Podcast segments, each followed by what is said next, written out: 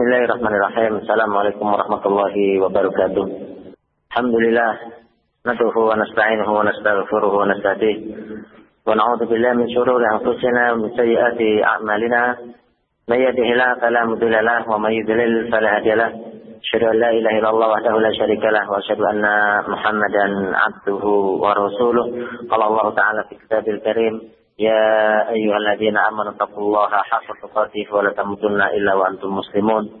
وقال تعالى يا أيها الذين آمنوا كتب عليكم الصيام كما كتب على الذين من قبلكم لعلكم تتقون. وقال تعالى إنا أنزلناه في ليلة مباركة إنا كنا منذرين. فيها يفرق كل أمر حكيم. فإن أتقوا الحديث كتاب الله وخير الهدي هدي محمد صلى الله عليه وسلم وشر الأمور محدثاتها فكل محدثة بدعة وكل بدعة ضلالة وكل ضلالة في النار أما بعد Ikhwan akhwat fillah rahimakumullah. Syukur kita kehadirat Allah Subhanahu wa taala atas nikmat karunia limpahan rahmat yang telah Allah Subhanahu wa taala berikan pada kita. Di pagi hari yang cerah ini Allah Subhanahu wa taala perkenankan kita untuk bersama-sama duduk meningkatkan ilmu, meningkatkan iman, dan sekaligus mengkaji apa yang semestinya dikaji oleh seorang muslim berkenan tentang agamanya dan tentunya kita berharap kepada Allah Subhanahu wa taala semoga Allah Subhanahu wa taala meridhai perjumpaan kita di pagi hari ini. Amin ya rabbal alamin. Salawat serta salam tercurah bagi Nabi Muhammad sallallahu alaihi wasallam pada keluarganya, sahabatnya, pengikutnya hingga akhir zaman.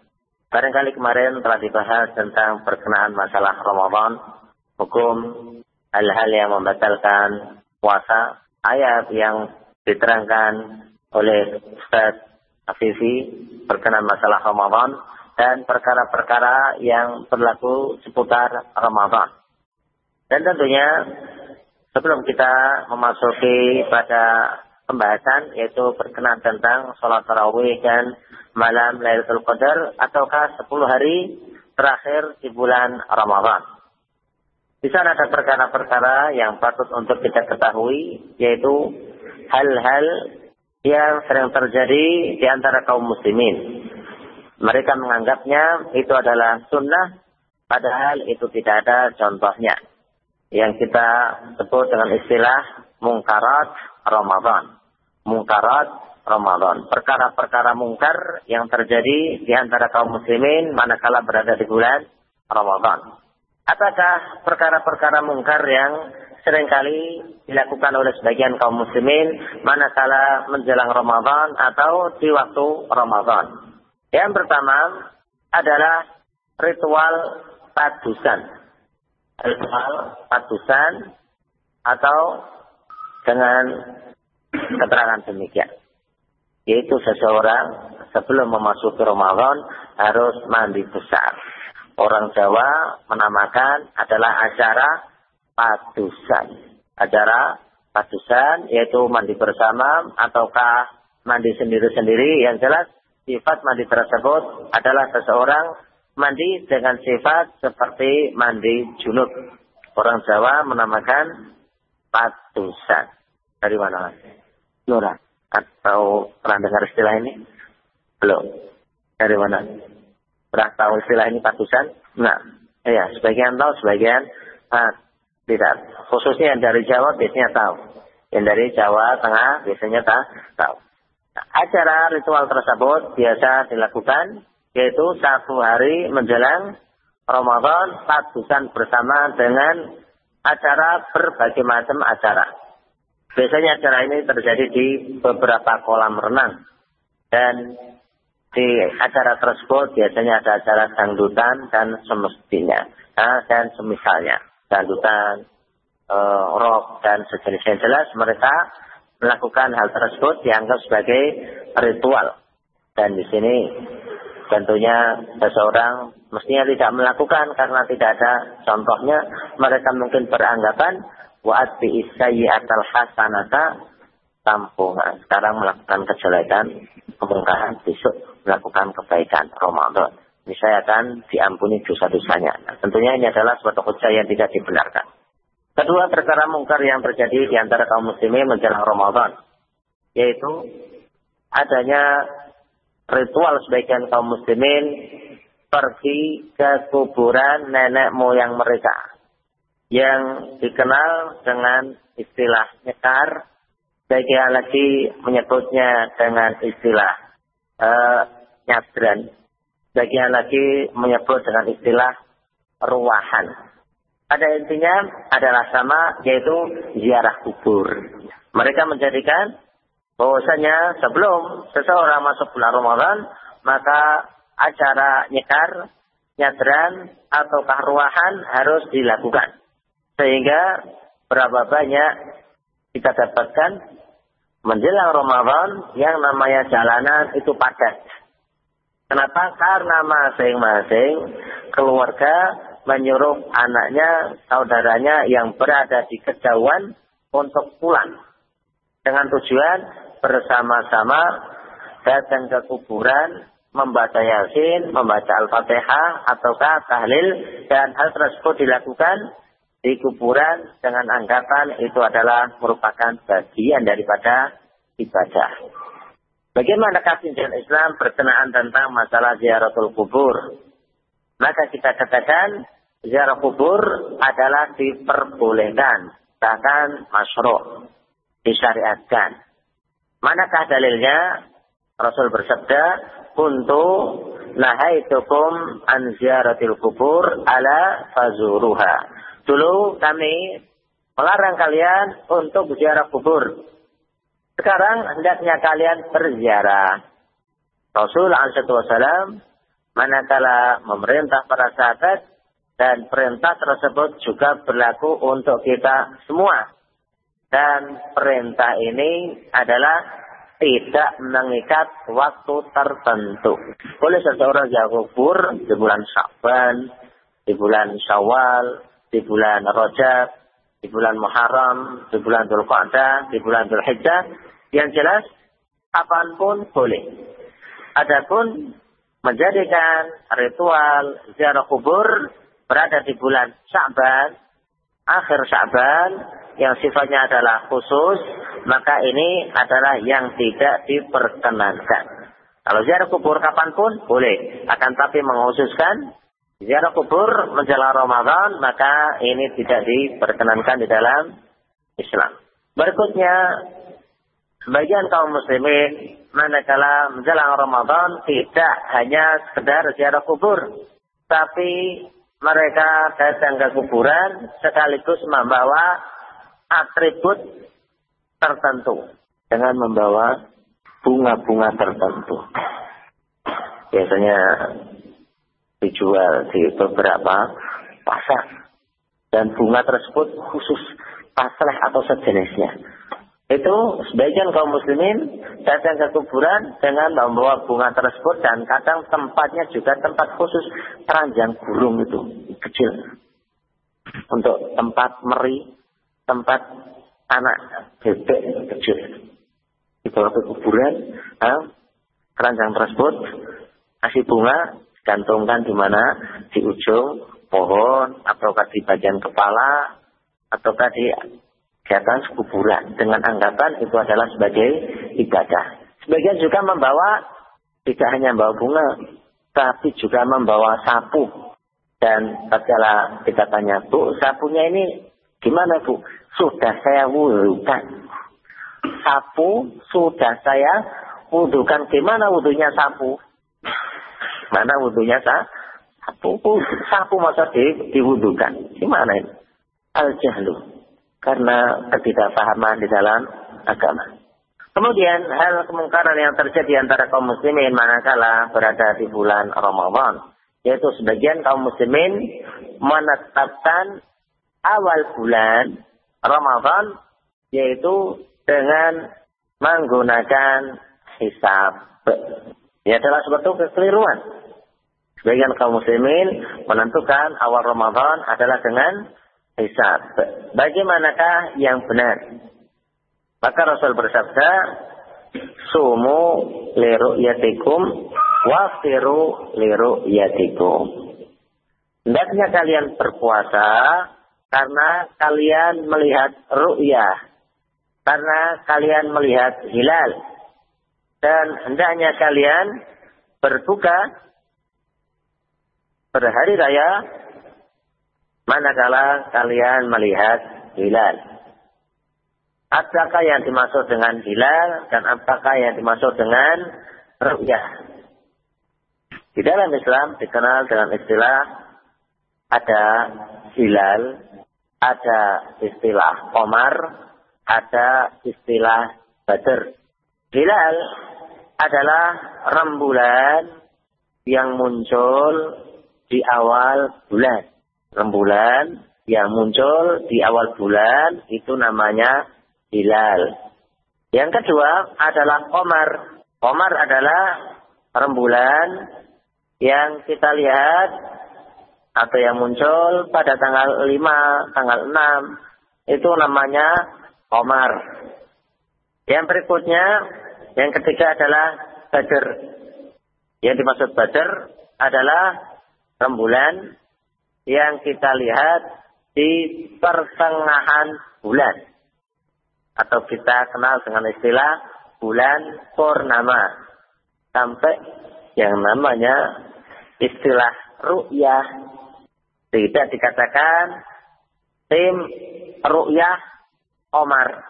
Juga tidak dikatakan tim ru'yah Badr. Tapi apa?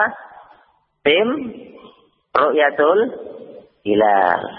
Kenapa? Karena hilal adalah rembulan yang muncul di awal bulan. Kapankah mereka orang-orang yang hendak mengetahui munculnya awal bulan, mereka melakukan ru'yah. Maka tentunya mereka melakukan ru'yah yaitu di tiap akhir bulan. Di tiap akhir akhir bulan.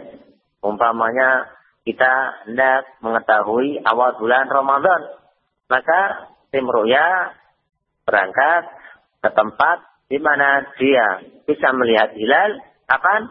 Di akhir bulan Syaban tanggal 29 sekarang umpamanya. Mulai sekarang tanggal 29 Syaban. Maka nanti sore tim ruya hilal akan pergi ke suatu tempat di mana mereka akan melihat hilal. Di manakah hilal bisa dilihat? Yang pertama, tempat untuk menjadikan waktu tersebut untuk utul hilal. Yang pertama adalah di tanah lapang.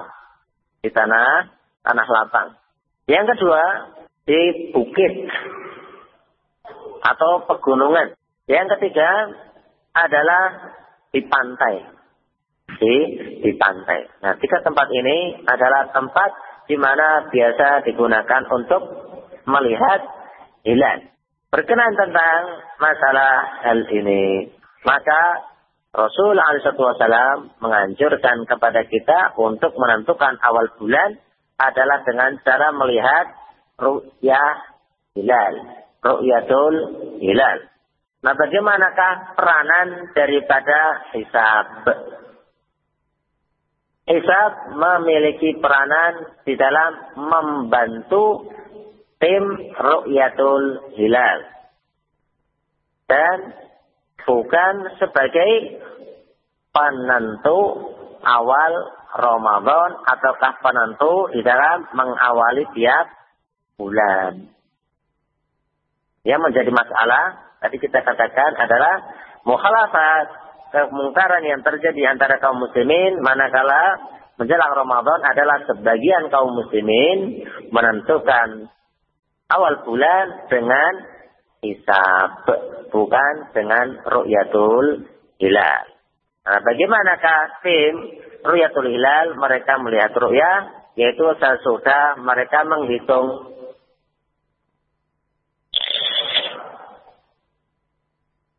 ada cara tradisional. Ada juga cara yang sifatnya sudah modern. Bagaimanakah tata cara yang sifatnya tradisional? Seperti ini. Biasanya yang tradisional ini kayu. Ini kayu. Biasanya di perbukitan. Orang yang pintar hisab sudah menghitung dan memperkirakan. Nanti manakala matahari terbenam, maka kalian wahai teman-temanku yang hendak melihat hilal. Maka lihat saja di ujung kayu ini. Ini kayu atau cakanya ini. Matahari tenggelam. Begitu. Matahari itu tenggelam, maka sesudah itu akan muncul hilal.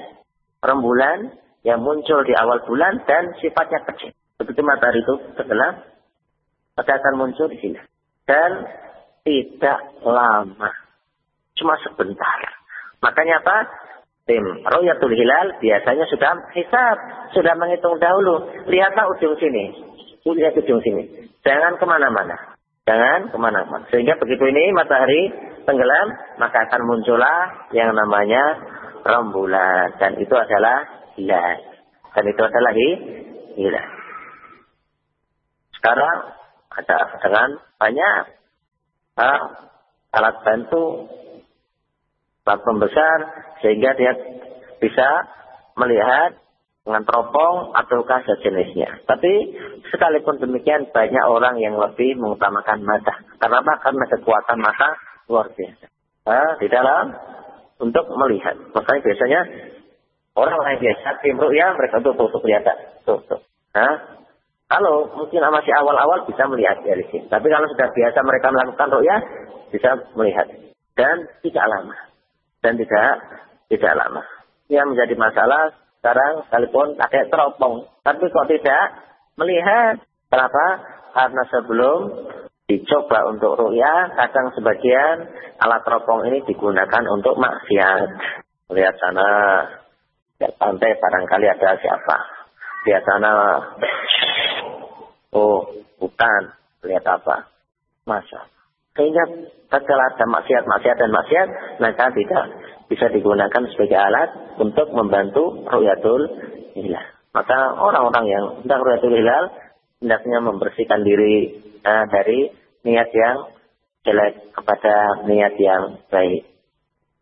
Nah, sebagian kaum muslimin menentukan awal Ramadan dengan hisab. Ini tidak digunakan. Hisab boleh digunakan, tapi hanya untuk menopang hanya untuk membantu rupiah. Adapun yang menjadi masalah adalah menjadikan hisab adalah sebagai faktor penentu menentukan awal bulan dan ini menyalahi sunnah karena Rasul bersabda sumu liru yatikum waftiru liru yatikum. Bagaimanakah Rasul bersabda Sa'inahum ma'alaikum fakturu lahu. Tatkala tanggal 29 Sa'ban kok ternyata mendung. Maka Rasul bersabda, fakturu lahu. Di dalam keterangan lain, yang apakah yang dimaksud dengan fakturu lahu? Maka keterangan lain mengatakan, fa'akmilu eddata sya'ban salasi. Maka jadikanlah bilangan saban, sempurnakanlah bilangan saban menjadi 30. Dalam artian kalau tanggal 29 hari ini ternyata mendung, maka besok masih bulan Saban. Kapan tanggal satunya? Ya hari berikutnya. Jumhur ulama memberikan keterangan demikian. Hanya ada seorang sahabat saja yang menyelisihi di mana pendapat tersebut mengatakan apakah yang dimaksud fakturulahu? Yang dimaksud fakturulahu adalah jika sekarang kok ternyata tidak kelihatan fakturulahu artinya adalah doyikuhu sempitkanlah. Jika di sore hari ini kalau ternyata mendung, maka berarti besok adalah puasa. Ini adanya perkataan secara sahabat saja. Tapi menyelisihi jumhur al-ulama. Nah, kenapa? Karena Rasul bersabda, Fa'in ma'alaikum fakturulahu. Nah, yang dimaksud fakturulahu adalah Takmilu ejat sya'ban salasi. Berikutnya di antara mukhalafat yang terjadi manakala kaum muslimin berada di bulan Ramadan. Yaitu adanya sebagian kaum muslimin menjadikan sahur adalah di awal waktu. Menjadikan sahur di awal waktu merupakan suatu mukhalafah. Hal yang menyalahi sunnah. Sebagian kaum muslimin menjadikan sahur adalah di awal waktu, yaitu jam setengah satu, jam satu. Nah, itu adalah termasuk awal awal waktu. Nah, ini adalah menyalahi sunnah. Berikutnya di antara hal yang terjadi di antara kaum muslimin manakala berada di bulan Ramadan yaitu adanya talafuz bin niyah. Melafatkan niat puasa bersama-sama ataukah sendiri-sendiri. Rasul bersabda, innamal a'malu bin niyat.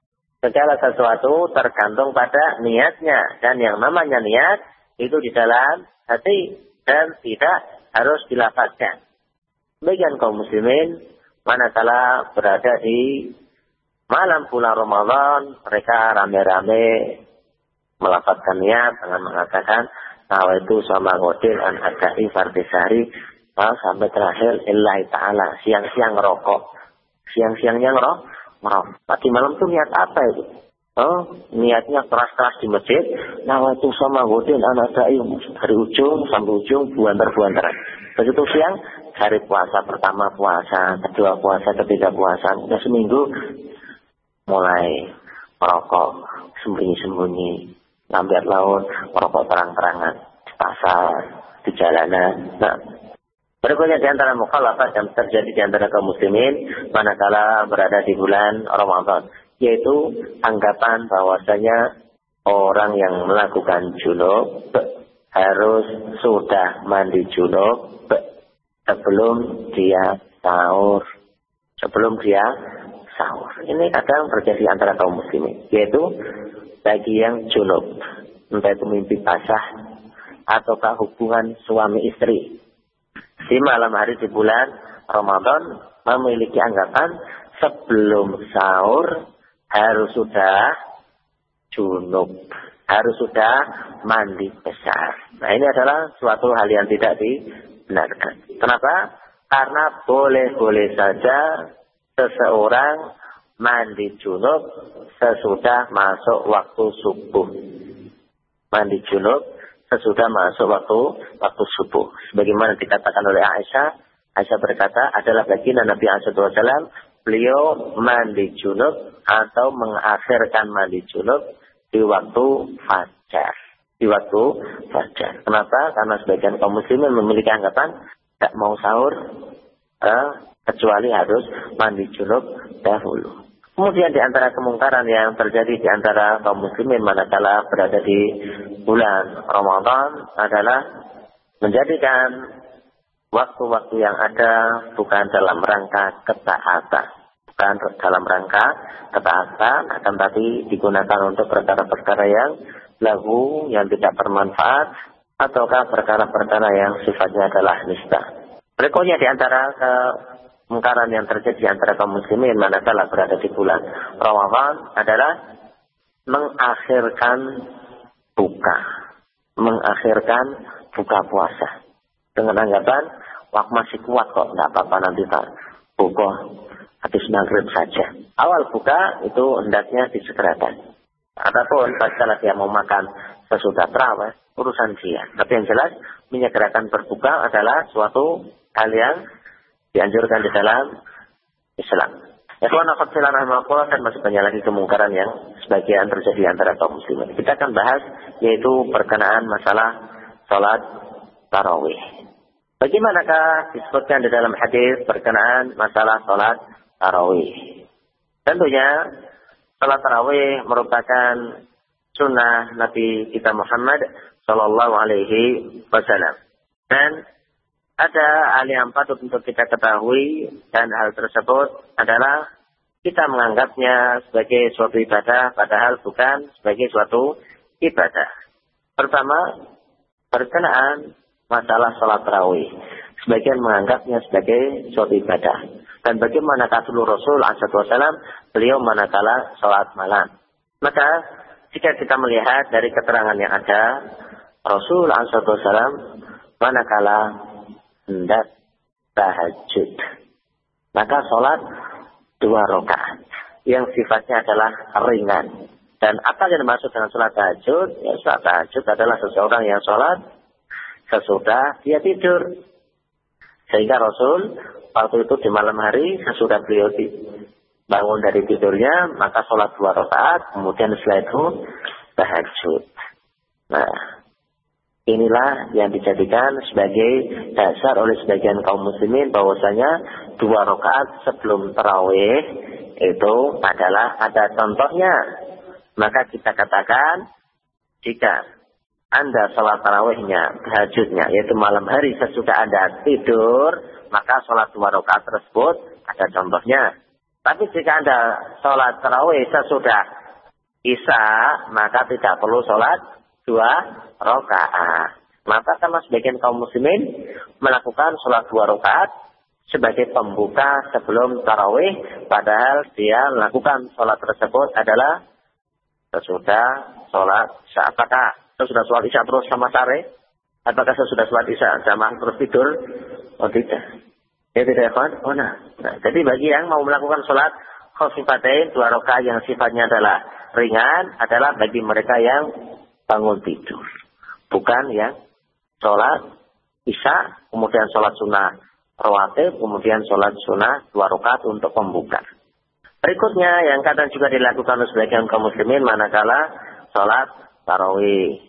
Yaitu adanya bacaan-bacaan tertentu sebelum seseorang melakukan sholat tarawih. Nah, la ilaha illallah. Demikian dan astagfirullah dan uh, seterusnya. Nah itu adalah doa-doa yang tidak semestinya dilakukan oleh seorang muslim karena tidak ada contohnya. Bahkan kalau kita memperhatikan orang yang membaca tersebut ditanya artinya tidak tahu. Bahkan jika kita melihat daripada sebagian bacaan pun, Anda pun akan melihat keganjalan. Contohnya, Sallu ala Nabi, katanya. Sallu ala Nabi. Jawabnya apa? Sallu alaih. Lihat tidak? Sallu alaih. Masih apa namanya? Mas Fahad. Mas Fahad umpamanya dia nyuruh pembantunya. Ya, tolong ambilkan sapu. Ambilkan sapu. Marah tidak dia? Marah. Dia nyuruh pembantunya ngambilkan apa? Sapu. Tapi apa? Malah pembantunya nyuruh untuk ambil ambil sapu. Salu ala Nabi itu artinya hendaknya kalian membaca salawat untuk Rasul. Tapi jamaah menjawab apa? Salu alaih. Ya jenengan juga baca. Anda juga baca seperti apa? Kedudukannya orang merintah, tapi malah di, diperintah. Ya, seseorang baca Salu ala Nabi, yang kita baca Allahumma sholli ala Muhammad. Tidak malah dia memerintah solu ala Nabi, dia mengatakan, jawabnya, solu alaih. Ya, jenengan juga baca. Anda juga baca. Tidak ada yang baca. Tidak ada yang baca. Ini nyuruh pembantunya untuk mengambilkan sapu. Pembantunya juga nyuruh dia untuk mengambilkan sapu. Apakah ada yang hasilnya? Tidak ada hasilnya. Perintah-perintahan. Nah inilah karena kejahilan. Kebodohan yang kadang terjadi di antara kaum muslimin manakala dia membaca dan tidak ngerti karpe. Baca tapi tidak ngerti apa yang dia baca. Ikhwan akhwatillah rahimakumullah.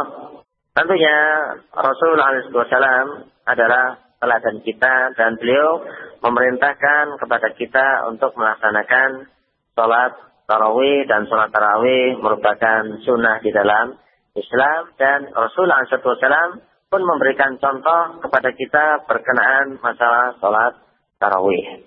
Bagaimanakah Rasul SAW melakukan sholawat, melakukan sholat sholat tarawih? Yang pertama, pelaksanaan sholat tarawih adalah sholat tarawih dilakukan sesudah sholat isya. Sholat tarawih dilakukan sesudah sholat sholat isya.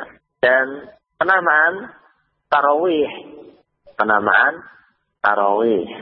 Orang kita mengatakan tatkala adik-adik kuliah. Maka jika sudah masuk jam ketiga, maka ada istilah istirahat. Istirahat. Istirahat. Isti, istirahat. Roha itu artinya santai. Roha itu artinya berhenti. Roha itu artinya adalah berhenti sejenak. roha itu berarti adalah santai-santai. Tidak, sesuatu hal yang sifatnya adalah memaksa. Makanya disebut sholat tarawih karena Rasul alaihissalam melakukan istirahat. Kapan? Manakala beliau sholat tarawih sesudah beliau melakukan empat rakaat. Sebagaimana disebutkan di dalam hadis yang sahih. Dan hadis ini dibuatkan oleh Imam Bukhari. Aisyah radhiyallahu anha, beliau ditanya berkenaan masalah salat tarawih. Maka Aisyah berkata, maka Rasulullah SAW yazidu fi Ramadan wala fi ghairihi ala itu asyrata rak'atan. Adalah baginda Nabi SAW manakala beliau berada di bulan Ramadan ataukah di luar Ramadan. Beliau tidak pernah menambah sholatnya. Beliau tidak pernah melakukan jumlah rakaat di dalam sholatnya. Lebih dari 11 rakaat. Yusalli arba'an. Baikina Nabi sholat empat rakaat.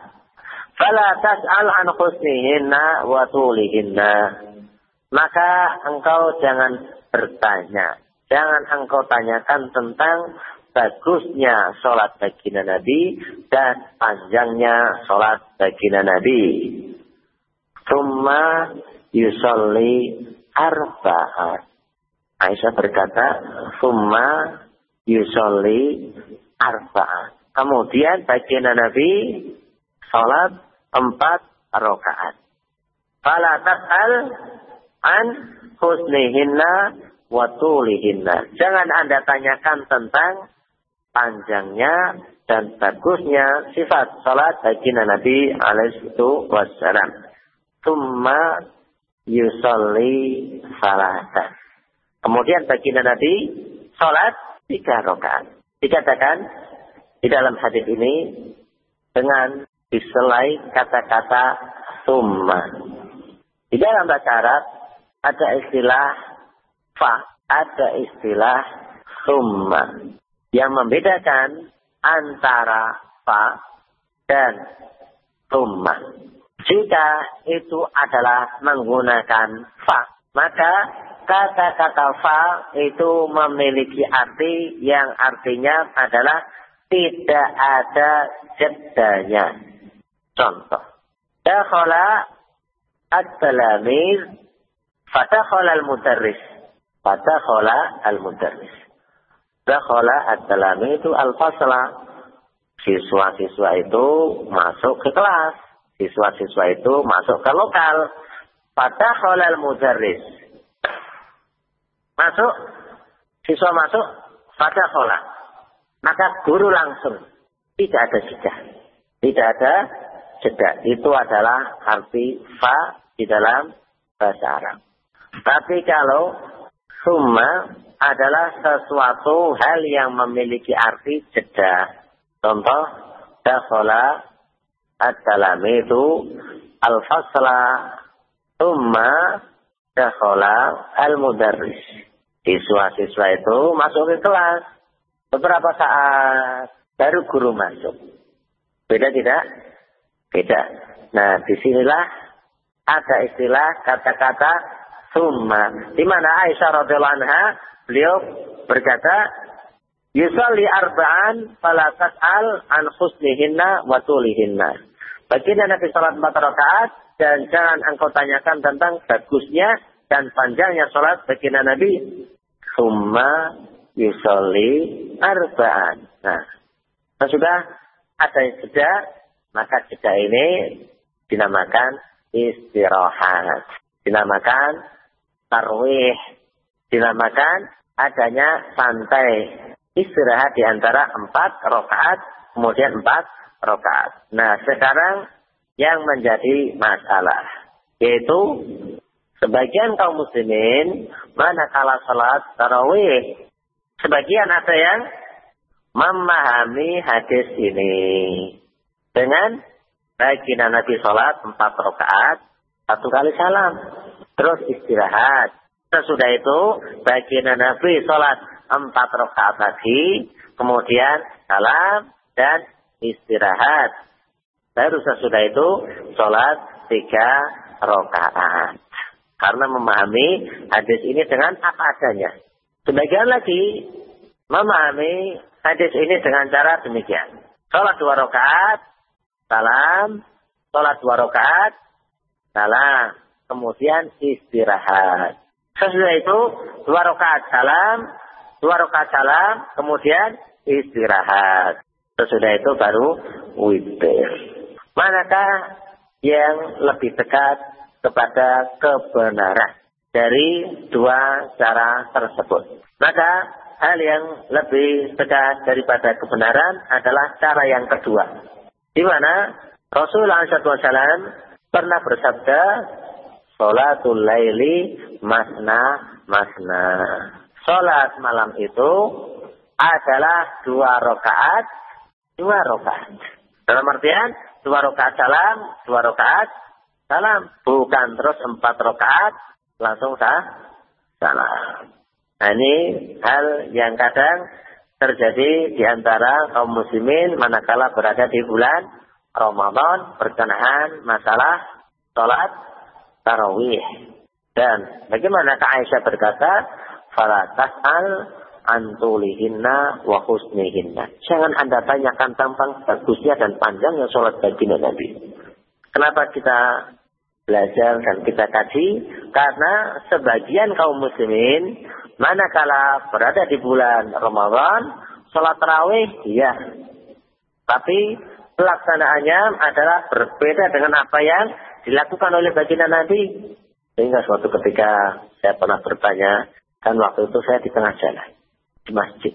Setengah delapan, belum mulai terawih. Delapan kurang seperempat, belum mulai terawih. Saya tanya, di sini ini kalau sholat terawih, buanter atau buanter sekali? Nah, saya tanya buanter atau buanter? Buanter sekali. Cepat atau cepat sekali? Dia bilangnya ya, lumayan. Lu, lumayan. Saya ikut sholat. Wadil maghdubi alaihim waradhalin. Amin. Ah, dia membaca Al-Hakumut Takatsur hatta zurtumul maqabir. Begitu rakaat yang kedua, Wadil maghdubi alaihim waradhalin. Amin. Alif Amin. Allahu Akbar. Oh, jawaban yang kedua tadi yang benar. Buanter sekali. Buanter sekali. Rakaat yang ketiga, Nun, Allah Akbar. Berikutnya, Qaf, Allah Akbar. Oh, Masya Allah. Sangat berbeda dengan apa yang dilakukan oleh Rasul. Di mana Aisyah berkata, La tas'al an husnihinna wa tulihinna. Jangan Anda tanyakan tentang bagusnya dan bagaimanakah Rasul alaihissalam manakala beliau sholat, jangan Anda tanyakan panjangnya dan bagusnya. Di sini yang tepat adalah dua rakaat, dua rakaat, dua rakaat salam, dua rakaat salat, kemudian istirahat. Alhamdulillah di Masjid Tokong ini sudah berjalan. Nah, dua rakaat salam, dua rakaat salam, kemudian isti, istirahat. Kemudian saya itu dua rakaat salam, dua rakaat salam, kemudian istirahat. Sebagaimana kita pahami dari hadis ini, di mana Aisyah berkata, Yusalli arba'an falatas al an husnihinna. Sesudah itu apa kata Aisyah? Tumma yusolli arba'an. Kita katakan, Aisyah berkata, Summa yusolli arba'an. Yang memiliki arti adalah istirahat. Yaitu tarwih. Tar, tarawih. Maka istilah sholatnya pun disebut dengan istilah, kalau Jawa ya terawih. Kalau Jawa ya tra, terawih. Atau taro, tarawih.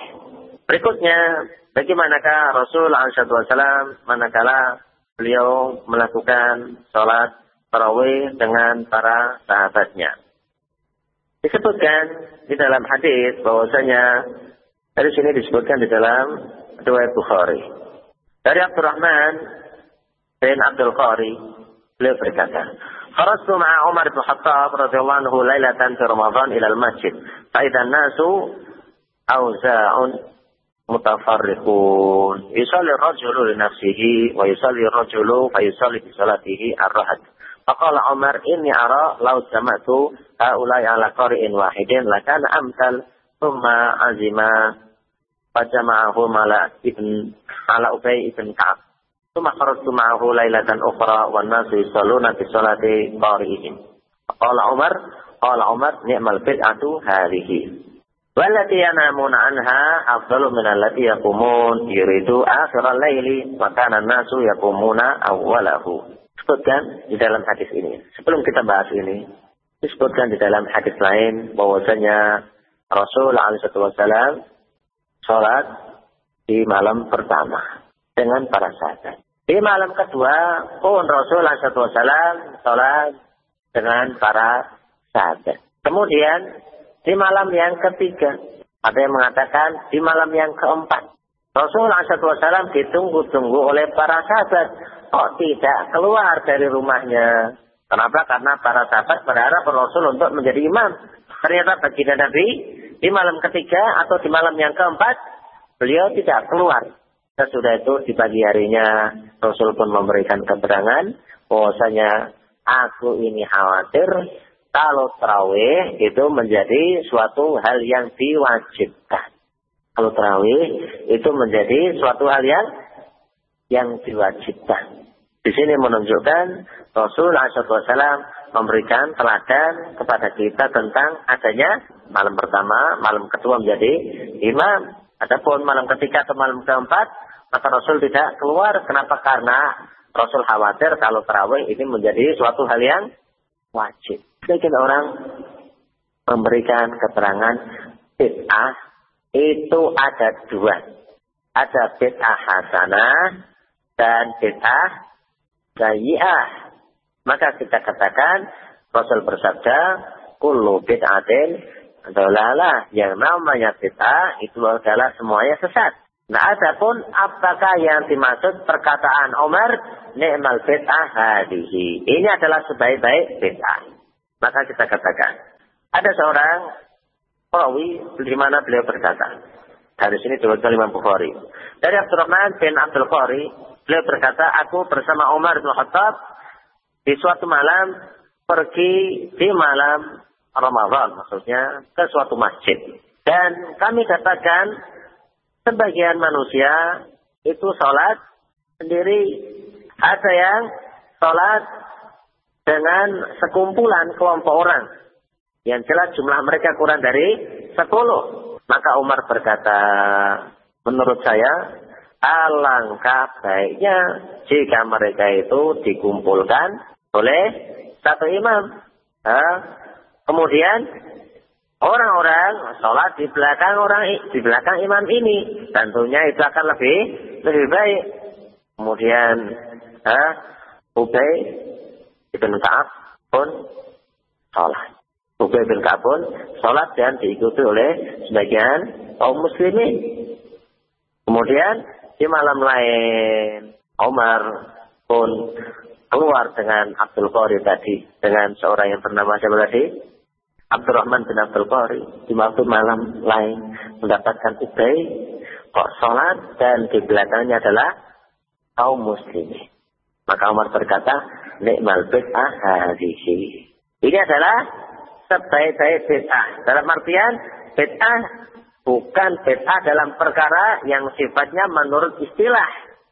Akan tapi bid'ah yang sifatnya adalah menurut bahasa. Kenapa? Karena Rasul dulu pernah melakukan seperti ini. Rasul pernah melakukan seperti seperti itu mengumpulkan para sahabatnya untuk sholat dan para sahabat sholat di belakang Rasul. Dan manakala yang dilakukan oleh Ubay bin ini bukanlah suatu hal yang mungkar, bahkan adalah suatu hal yang baik, maka inilah yang dikatakan oleh Umar, ni'mal fitah hadihi. Dengan kata-kata ni'mal fitah hadihi, sebagian orang memahami, oh saya melakukan bid'ah tapi yang baik kok. Jangan lagi kalau suudon, bo, ya suudon yang baik. Suudon tapi yang baik.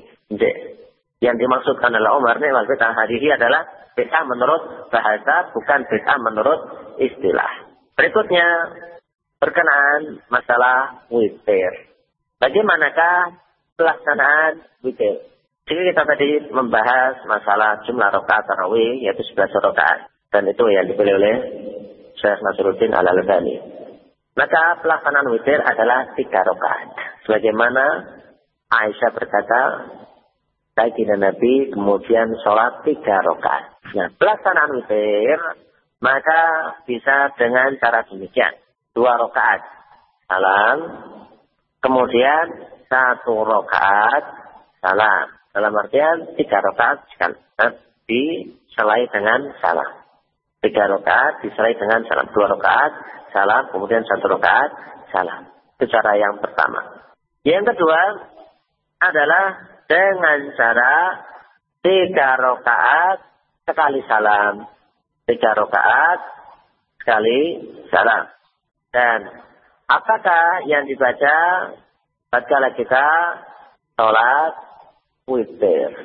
Maka di rakaat pertama di witir, maka kita dianjurkan untuk membaca Tabbihis Marabbikal A'la. Rakaat yang kedua adalah kuliah ayuhal kafirun.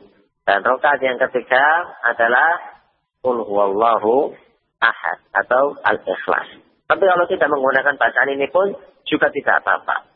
Juga tidak tidak apa-apa. Berikutnya, tatkala kita berbicara masalah akhir Ramadan, maka suatu pembahasan yang tentunya hal yang diharapkan oleh kaum muslimin secara keseluruhan, yaitu untuk memperoleh malam Lailatul Qadar. Bagaimanakah Allah Subhanahu wa taala memberikan malam Lailatul Qadar tersebut? Maka di sana ada keterangan dari beberapa ulama berkenan masalah Lailatul Qadar dan kenapa Allah Subhanahu wa taala merahasiakan malam Lailatul Qadar. Ikhwan wa rahimakumullah. Allah Subhanahu wa taala berfirman, "Inna anzalnahu fi lailatil qadar." Inna sesungguhnya kami anzalnahu kami turunkan Al-Qur'an di lailatil qadar di malam Lailatul Qadar dan Allah berfirman, "Syahrul Ramadan alladzi unzila fihil Qur'an." Bulan Ramadan merupakan bulan di mana Allah Subhanahu wa taala turunkan Al-Quran kapan? Bulan di mana Allah Subhanahu wa taala turunkan Al-Quran. Kapankah Al-Quran diturunkan? Maka Allah berfirman, "Inna anzalnahu fi lailatul qadar." Sungguh telah kami turunkan Al-Quran kapan? Di malam Lailatul Qadar. Sekarang kita perhatikan. Inna anzalnahu fi lailatul qadar. Lailatul Qadar itu kapan kira-kira? Lailatul Qadar itu kapan kira-kira? 23, 25, 27, atau 29. Di mana Rasul memberikan keterangan Ataharraun bil ashri al-awakhir. Lihatnya kalian berusaha untuk mencari 10 malam yang terakhir. Dari dalil ini sekaligus buat bantahan. Untuk siapa? untuk mereka yang mengatakan nuzulul Quran tanggal 17 Ramadan. Ya tidak? Bagian kaum muslimin besok ada acara nuzulul Quran. Tanggal berapa? Oh, katanya tanggal 17 Ramadan. Loh, berarti 17 Ramadan itu malam Lailatul Qadar. Apakah ada di antara kita yang sepakat 17 Ramadan malam Lailatul Qadar? Maka kita katakan 17 Ramadan bukan malam Lailatul Qadar dan di negeri kita menjadikan nah, suatu pemahaman sebagai 17 Ramadan adalah turunnya Al-Quran. Jika kita lihat, in anzalnahu fi Lailatul Qadar bertentangan tidak? Maka akan kita lihat adanya pertentangan. Kenapa? Karena Al-Quran diturunkan di malam Lailatul Qadar. Wa ma adraka ma Lailatul Qadar?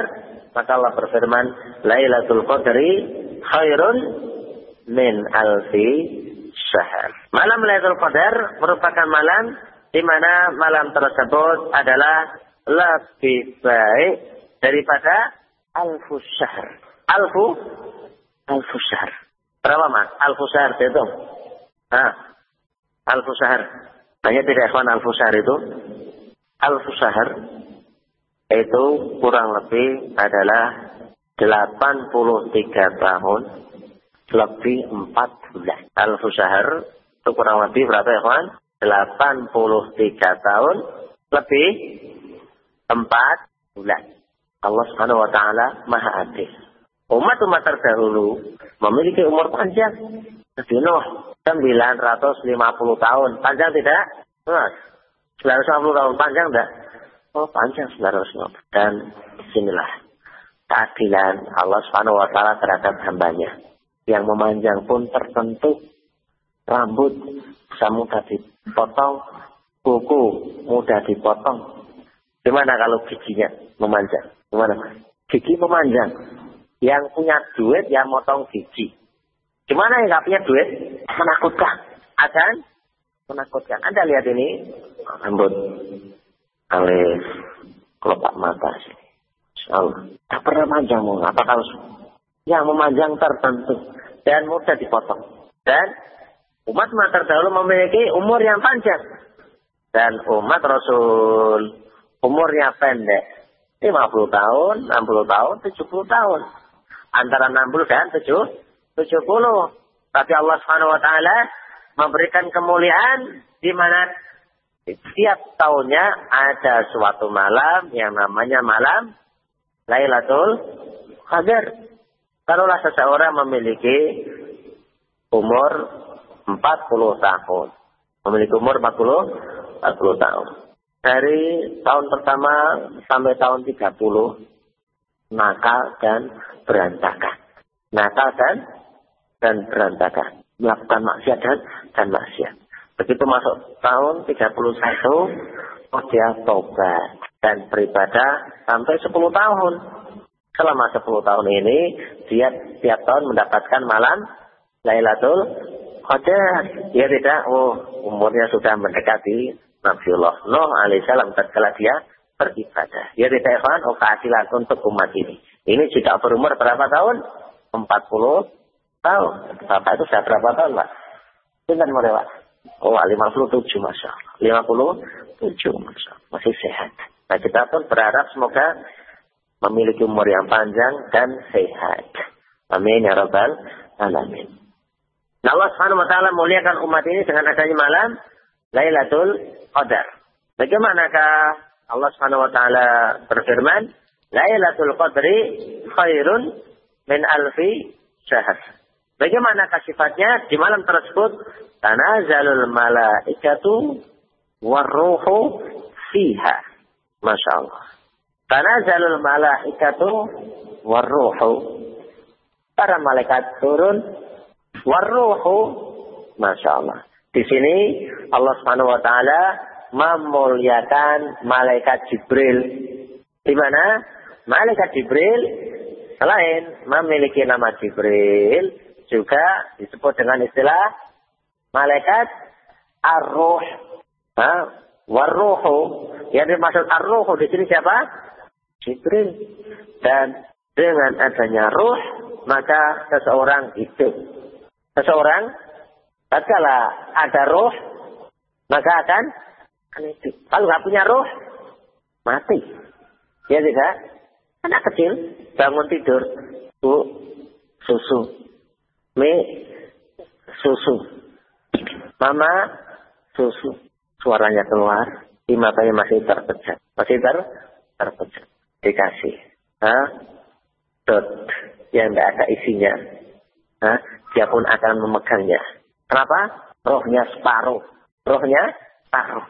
Kenapa setelah dia ada dotnya dia pegang? Nalarnya belum nyampe.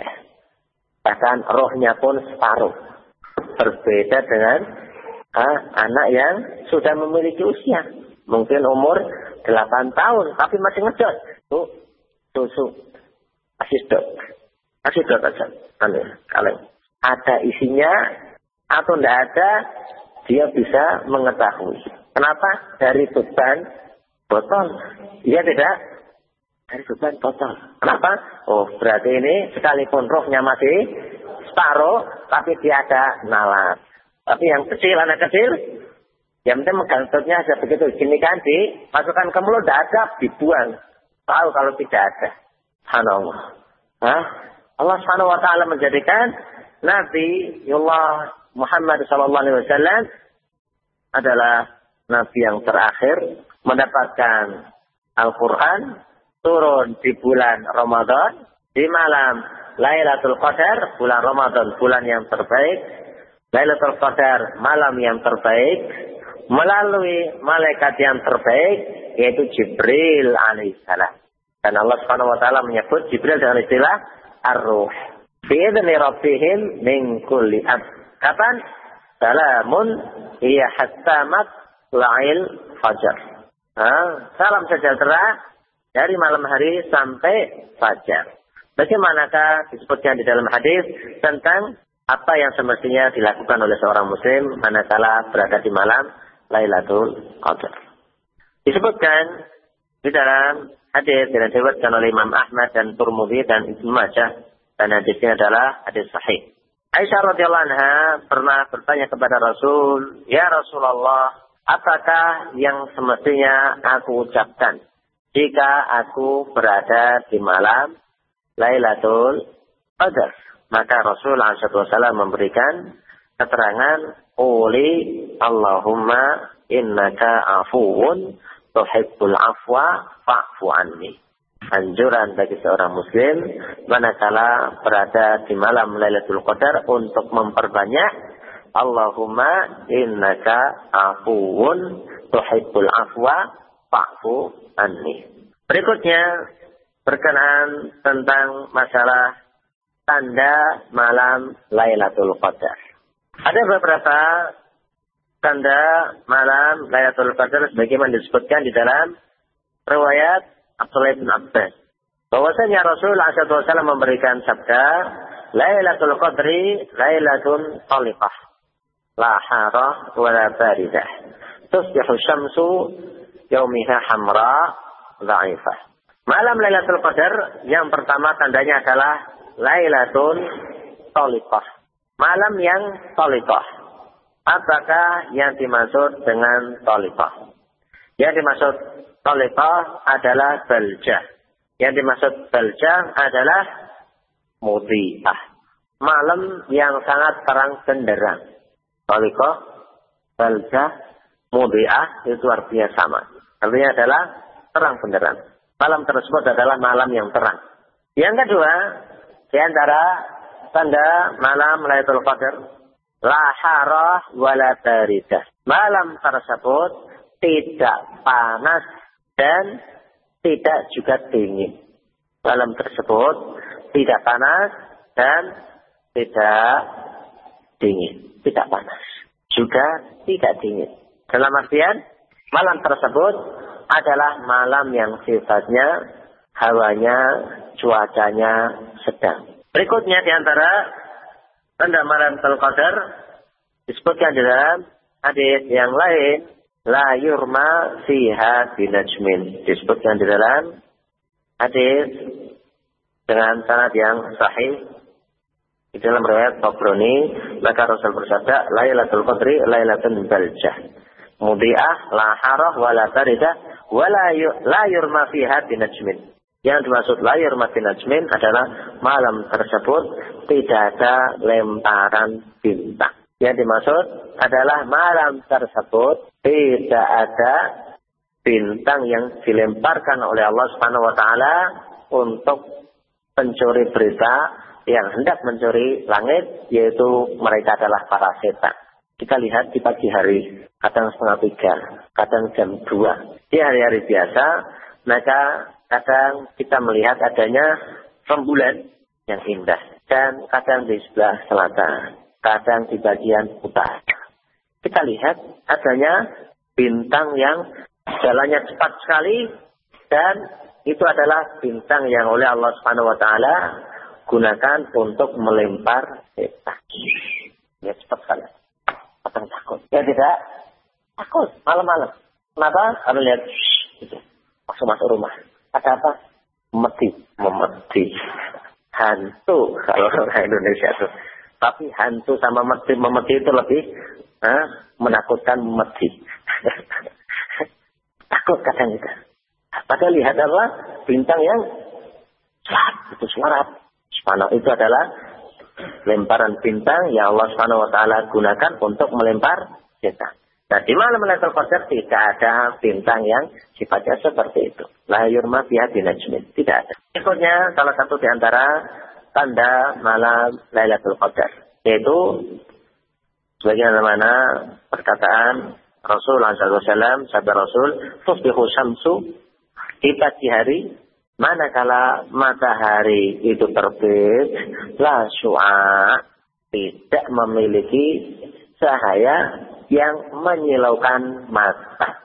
Nah di sini, bagi Anda yang ingin melihat, apakah tadi malam itu malam Lailatul Qadar ataukah tidak, maka lihatlah di pagi hari manakala matahari itu terbit, Bahkan sampai setengah enam, nah, begitu jam setengah enam sudah mulai terbit. Jam enam terbit. Setengah tujuh, Anda lihat matahari tersebut tidak menyilaukan mata. Bahkan jam tujuh tidak menyilaukan mata. Lihat ini. Seperti tembaga. Nah, mungkin kalau sudah jam tujuh lebih agak sakit, agak menyilaukan. Tapi yang jelas, manakala matahari terbit, tatlu osam, Rasul bersabda, tatlu osyamsu. Manakala matahari itu terbit, lasu'a indah. Dan tidak menyilaukan mata. Seperti tembaga, Anda bisa memperhatikan. Tapi hal ini adalah bagi orang yang semestinya di malam harinya beramal. Jangan terus cuma nyegat pagi tok. Di malam malam letter Qadar saya. Bahwa yang Anda lakukan apa? Main remi. Remi. Lihat malam letter Qadar. Malamnya beribadah, sedekah, baca Al-Quran. Semoga di pagi hari ini adalah pada malam Nah, di pagi hari ini kita meyakini tadi malam adalah malam Lailatul Qadar dengan cara melihat oh demikian. Sehingga itulah yang semestinya dilakukan oleh seorang muslim manakala di pagi hari itu nyegat. Ah, apa nyegat pada Indonesia? Menghadang. Meng, menghadang. menghadang di pagi hari. Menghadang matahari. Untuk meyakinkan apakah tadi malam Lailatul Qadar atau tidak. Di malam kadang terasa. Ah, tidak panas, tidak dingin, maka malam tersebut adalah penuh dengan kecerahan. Kemudian pembahasan kita yang terakhir berkenan masalah 10 hari yang terakhir adalah masalah etika. Masalah e etika. Disebutkan di dalam hadis yang sahih riwayat Bukhari bahwasanya anna Nabi sallallahu alaihi wasallam kana yataki fil ashr al awakhirah min Ramadan hatta tawaffahu Allah. Disebutkan bahwasanya baginda Nabi sallallahu alaihi wasallam beliau beritikaf 10 hari yang terakhir sehingga beliau ajal. Nah, sehingga beliau ajal. Yang dimaksud dengan al adalah seseorang berdiam diri di masjid dalam rangka beribadah kepada Allah Subhanahu wa taala. Jadi maksud tidak adalah seseorang berdiam diri di masjid dalam rangka mendekatkan diri kepada Allah Subhanahu wa taala dengan cara memperbanyak baca Al-Qur'an, zikir, memperbanyak sholat. Itu adalah hakikat daripada etika. Tapi sebagian orang-orang etika jauh sana ngobrol, sana ngobrol, sana ngobrol, sana ngobrol, ngobrol, ngobrol. Etika menyendiri ya, berbicara seperlunya. Tidak terus dijadikan sebagai uh, tempat di mana tempat untuk pindah ngobrol. Berikutnya berkenan masalah syarat etika. Syarat yang pertama, orang yang hendak etikaf adalah dalam keadaan berpuasa. Jadi orang yang beretikaf itu adalah dalam keadaan puasa. Yang kedua, etikaf itu tempatnya adalah di masjid.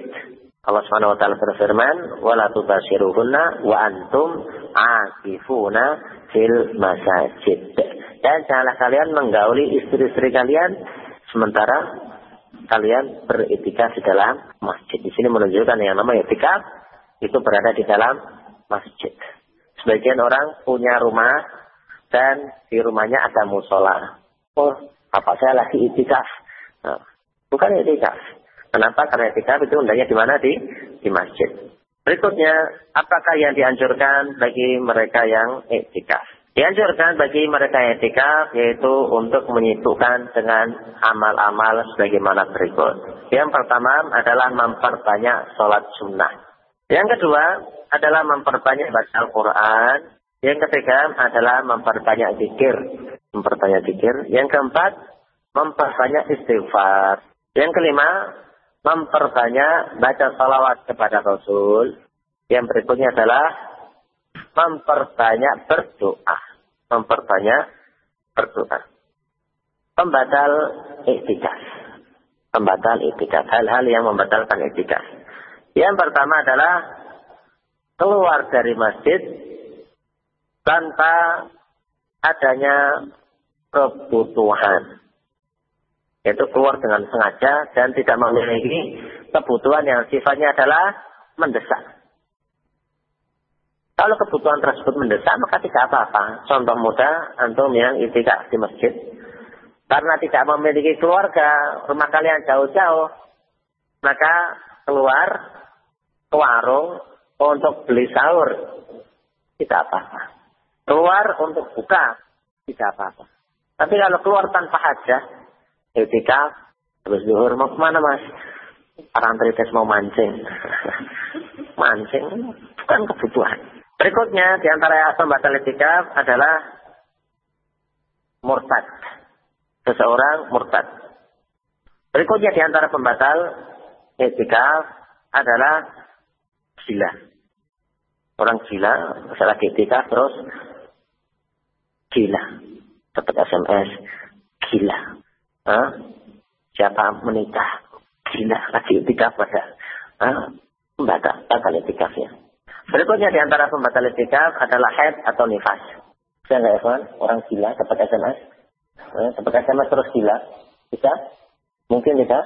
Yang ingin melamar seseorang. Katanya sudah nikah duluan. Di itikaf. Dapat SMS. Nah, berikutnya di antara pembatal itikaf adalah perhubungan suami istri. Karena tadi sebagaimana firman Allah Subhanahu wa taala, "Wala tubashiruhunna wa antum fil masajid. Sebutkan di dalam surat Al-Baqarah ayat 100 yang ke-87. Perkara-perkara yang diperbolehkan bagi mereka orang yang sedang itikaf. Yang pertama adalah keluar masjid untuk kebutuhan. Keluar masjid untuk kebutuhan. Untuk kebutuhan yang sifatnya mendesak.